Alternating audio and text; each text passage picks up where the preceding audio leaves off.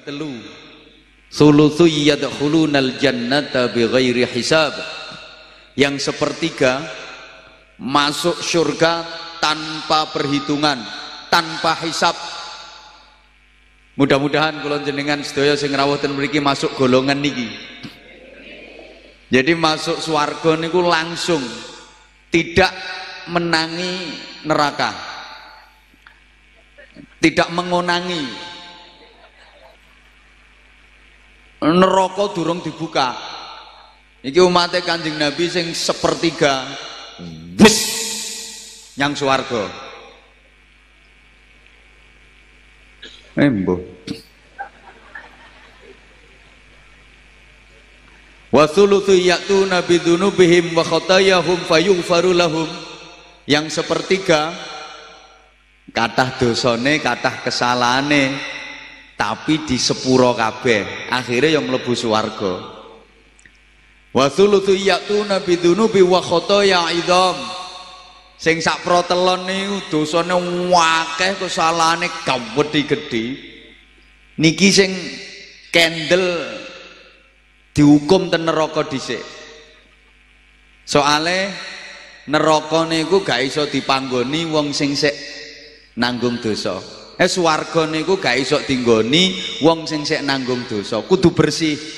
Makanya leren dikopiok dhisik nduk nggone neraka. Suwene tergantung kadar dosa dan kesalahannya. Pada saatnya nanti sedoyo dintas mlebet swarga. Neraka sing kangge nyiksa umat Muhammad niku neraka sing dukur dhewe jenenge neraka jahanam jadi pada saatnya nanti neraka jahanam niki kosong tak berpenghuni. Kowe modelmu kaya gak percaya tak omongi? Lah sing wong kafir wong munafik iku nduk ngisore ngisore jahanam sing luwih nemen. Dadi neraka jahanam iki gawe nyiksa umate Kanjeng Nabi. Sing dosae akeh kaya potongamu ngono iku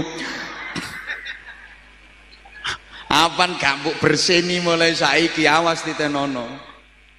Tapi pada suatu saat nanti neraka jahanam itu akan kosong tak berpenghuni ketika umat Muhammad wis tintas kabeh mlebu swarga kabeh. Alhamdulillah. Pokok matine nggawa iman. Melalui Kanjeng Nabi. Kula panjenengan kenal Allah. Melalui Kanjeng Nabi, Kulo penjenengan kenal aturan-aturan agama, ngerti halal, haram, makruh, mubah, wajib, sunnah melalui kanjeng Nabi. Kulo jenengan kenal Al-Quran. Yang Quran itu bisa menjadi benteng dari neraka. Ilmu sing gelekane repot itu loh. Nganti puluhan tahun, lek sampean gelem marek ndungone para kiai. Sampean wis dikai olahan mateng kari ngemplok enak. Lo nek gelem marek ndongone Kanjeng Nabi mesti ngunduh syafaat. Lek gelem marek ndongone Gusti Allah mesti ngunduh rahmat. Piro sih akeh dosamu? Piro sih gedene kesalahanmu? Lek wis oleh rahmate Allah lek wis digerocok syafaate Rasulullah sak gede-gedene dosamu sak akeh-akeh salahmu ketutup lah nek wis dosa lan kesalahanmu ketutup sangka gedene rahmate Allah mergo digerojok syafaate Rasulullah sing ketok lah kari apikmu ta? Ya walaupun apikmu cuma sithik kapan sih pernah tahu apik? Walaupun apiknya cuma titik walau hanya sekedar bersenyum titik aneh tapi dosa lan kesalahan sing gede-gede mau wis ketutup. Yo amal-amal bagus sing cilik sing titik iku sing iso nonton kula panjenengan menuju ke surga Allah. Bapak-bapak jenengan sholat Jumat kone masjid. Sing ngongkon gawe masjid iku sapa? Kanjeng Nabi zaman ngaji ngene iki Kanjeng Nabi yang merintah sing sampean rawuhi iki majelise Kanjeng Nabi. majelis Rasulullah kayak lungguh ning majelis ini iki diarani taman suwargo iki taman suwargo iki masih nyemek-nyemek ngene iki artinya dari nilai fadilahnya Musak jam nduk kene luwe apik timbang salat sunah 1000 rakaat. Sapa tahu salat sunah 1000 rakaat? Wah, gak tahu. Ketika penjenengan mendengar ayat-ayat Al-Quran berkumandang, bukankah itu aslinya adalah suara kanjeng Nabi? Hanya saja melalui mata rantai dari bibir-bibir manusia dalam sejarah yang panjang. Paham pora ya tidak ngomong model ini.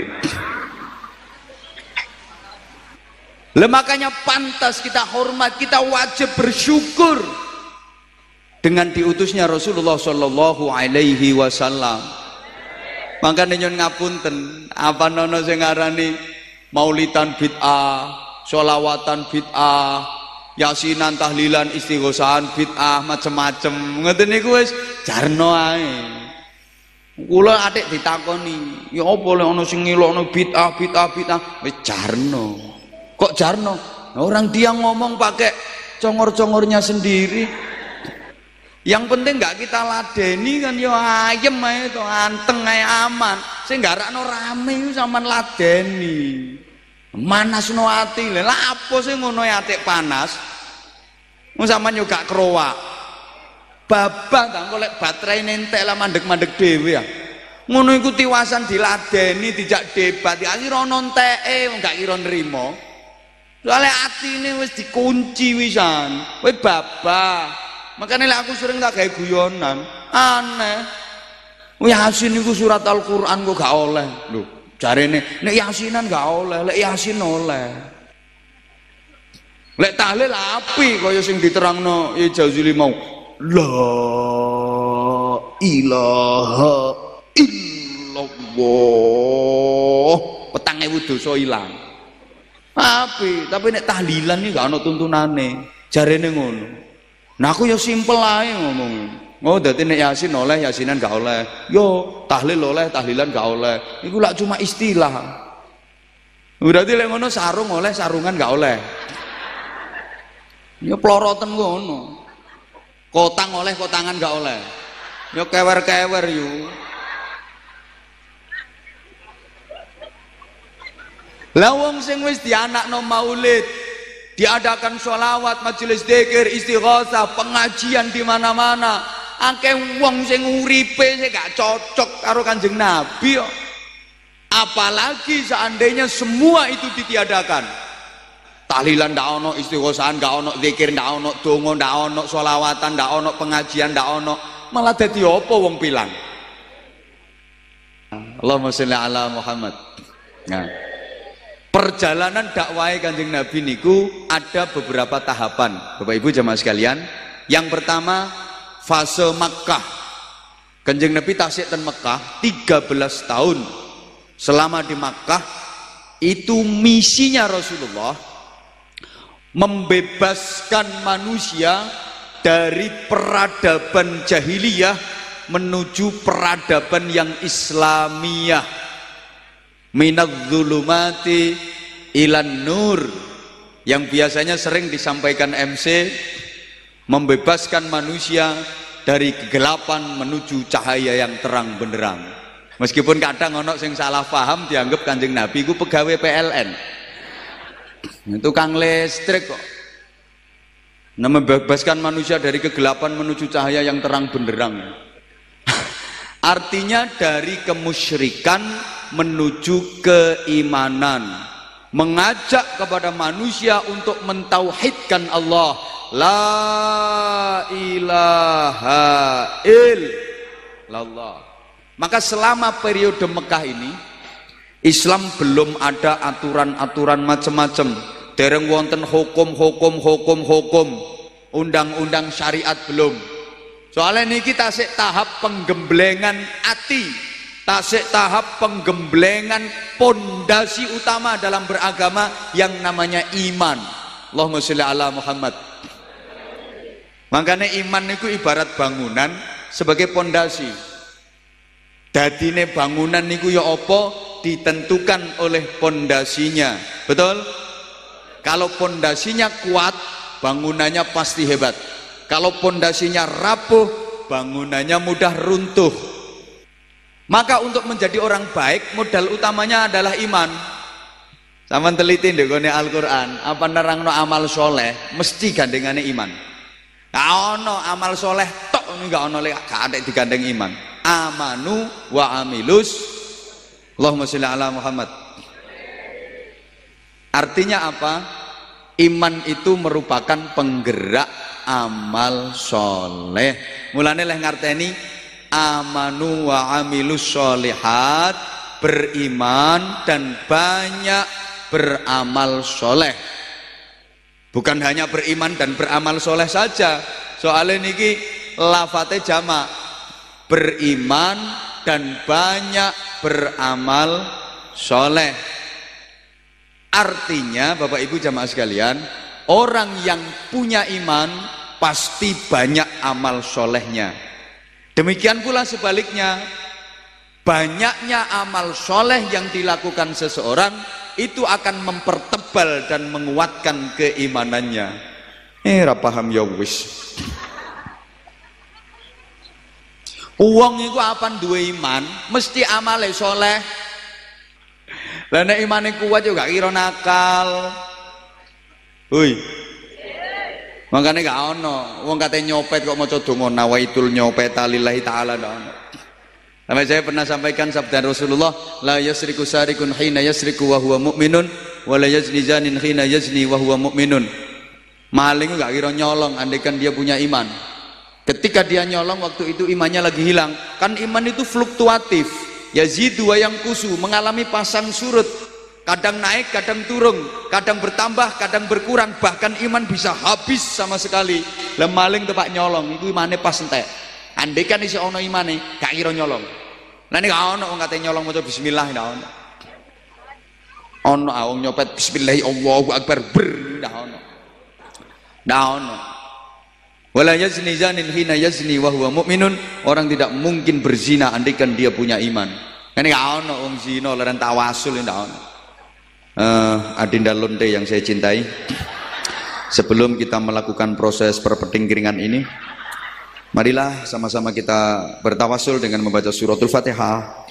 Mudah-mudahan perpeting keringan ini dibarokai dan diridhoi Allah Subhanahu wa taala. Al-Fatihah.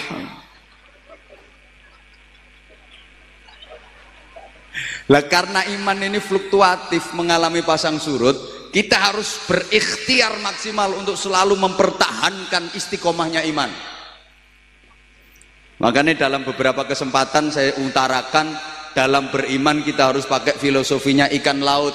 Kudu koyo iwak segoro iwak segoro itu masih dikum di banyu asin tahun-tahunan. Nanti nuripin di segoro sing banyune asin tapi gak terpengaruh gak melu-melu asin gak percaya entasen kok iwak segoro dilatono gak kira asin padahal uripin di banyu asin dikum bertahun-tahun di banyu asin Gak terpengaruh gak kata tasin. Lapo? Iwake urip. Uang apa imane urip? Masih tak kena pengaruh jahat kaya apa, kena pengaruh maksiat kaya apa. Aman. Wis lah, gawe yo tempat perjudian di lingkungane. Gak kira katut melu judi wong imane urip. Wis ta lah, gawe yo tempat karaoke ndok garepe omahe. Gak kira terpengaruh wong imane urip. Padha karo iwak segara sing urip iku dikomo banyu asin gak kira katut asin wong iwake urip. Wis ta lah, gawe tempat prostitusi isih nono arek wedok sing ayu-ayu mbuh lek iku ndak kira katut imane urip kok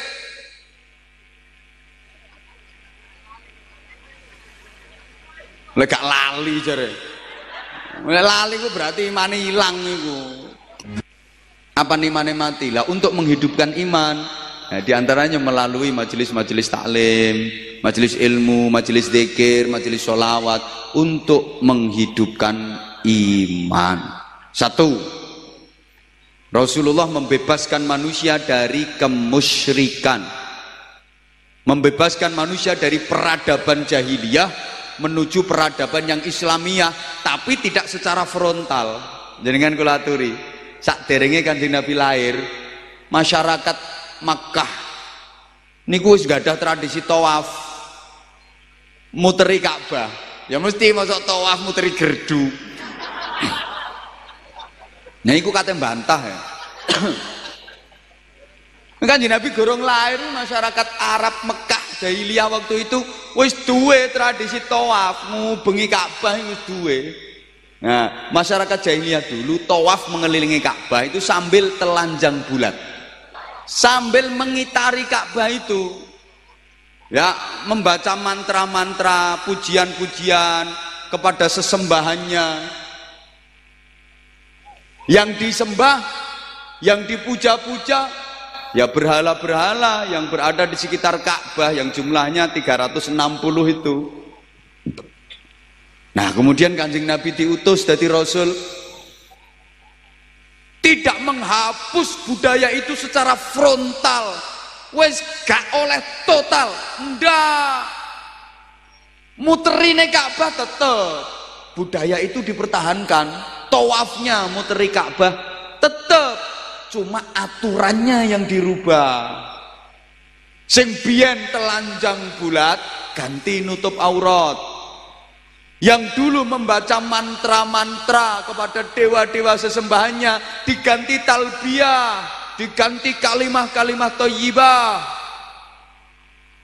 Yang dulu yang disembah berhala-berhala 360 di sekitar Ka'bah itu yang disembah sekarang Allah Halo? Nah, metode seperti itu yang diteruskan oleh para wali pejuang agama di Nusantara ini. Jadi budaya Jawa khususnya tidak langsung haram diberangus secara frontal. Boten. Bahkan dipadukan antara agama dengan budaya. Sepanjang itu tidak bertentangan dengan syariat dan akidah, no problem. Why not?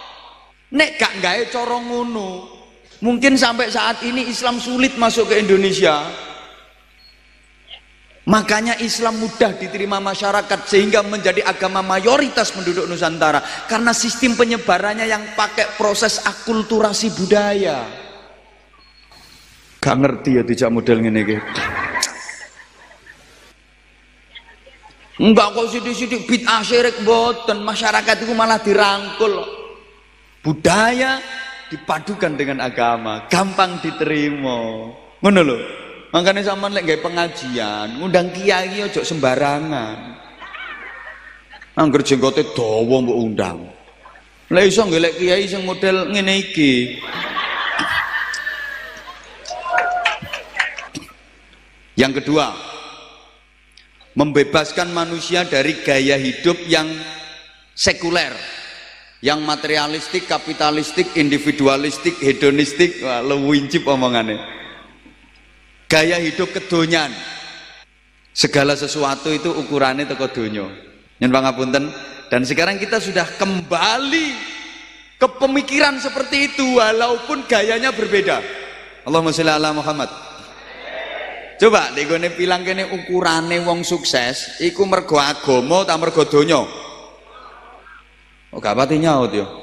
Orang dianggap sukses, ndekone pilang kene lho, ukurane iku agama ta donya.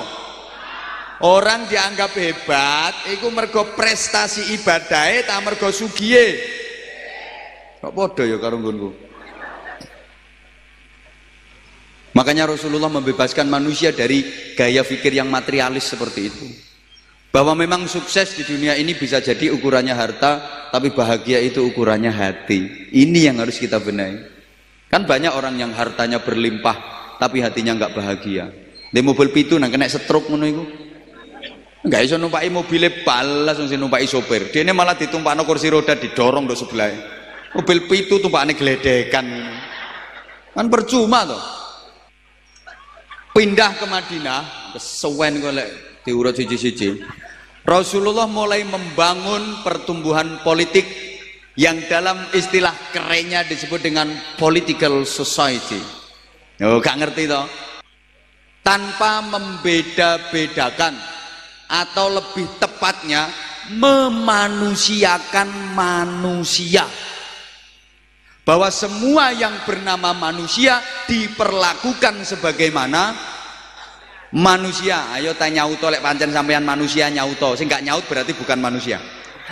Memanusiakan manusia bahwa semua yang bernama manusia diperlakukan sebagaimana manusia. Allahumma sholli ala Muhammad.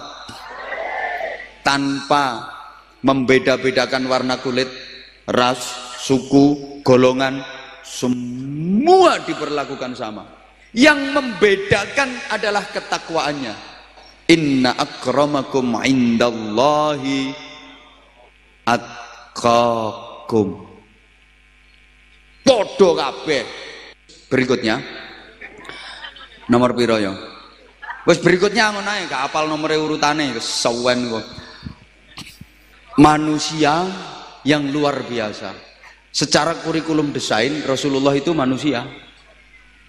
Ya koyok kulon jenengan karena manusia beliau ya makan ya minum ya melek ya sare ya sehat ya sakit ya ya ya seneng ya tahu susah prihatin ya nate warek ya nate luwe ya nikah.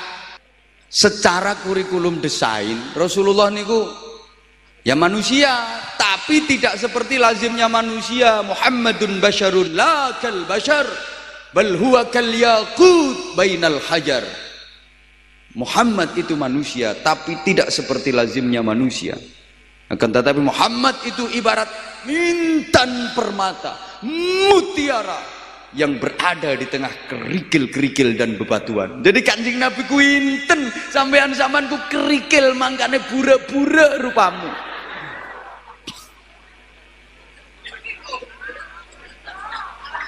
Aku ya padha ya burek ya. Lah nek sampean sing kerikil-kerikil iki, sampean sing burek-burek iku kepingin kinclong kaya inten, ya kudu digosok dhisik. Di antara gosoke melalui salat malam, qiyamul lail, nek dalu salat to. Tangi ya piece of the cur ngono Rasulullah mampu memberikan keteladanan yang sangat prima. Maka suksesnya dakwah Rasulullah itu karena pakai metode uswatun. Apa yang disabdakan pasti dilakukan. Ngono satunya kata dan perbuatan. Kalau bahasa sekarang satunya kata dan perbuatan. Allahumma sholli ala Muhammad. Nah karena Rasulullah itu juga manusia. Maka saya pernah sampaikan bedanya kita dengan Rasulullah itu kan cuma sedikit. Kalau Rasulullah sedikit makan, kalau kita sedikit-sedikit makan.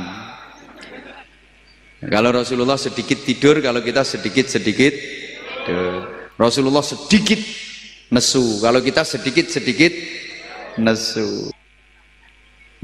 Suksesnya dakwah Rasulullah. Sehingga dalam waktu yang relatif singkat, nggak sampai 23 tahun, dua kota besar Makkah dan Madinah berhasil menjadi maragizul hadarah as-saqafiyah pusat peradaban dunia. Manusia seluruh penjuru dunia berbondong-bondong untuk datang ke Makkah dan ke Madinah. Al-Fatihah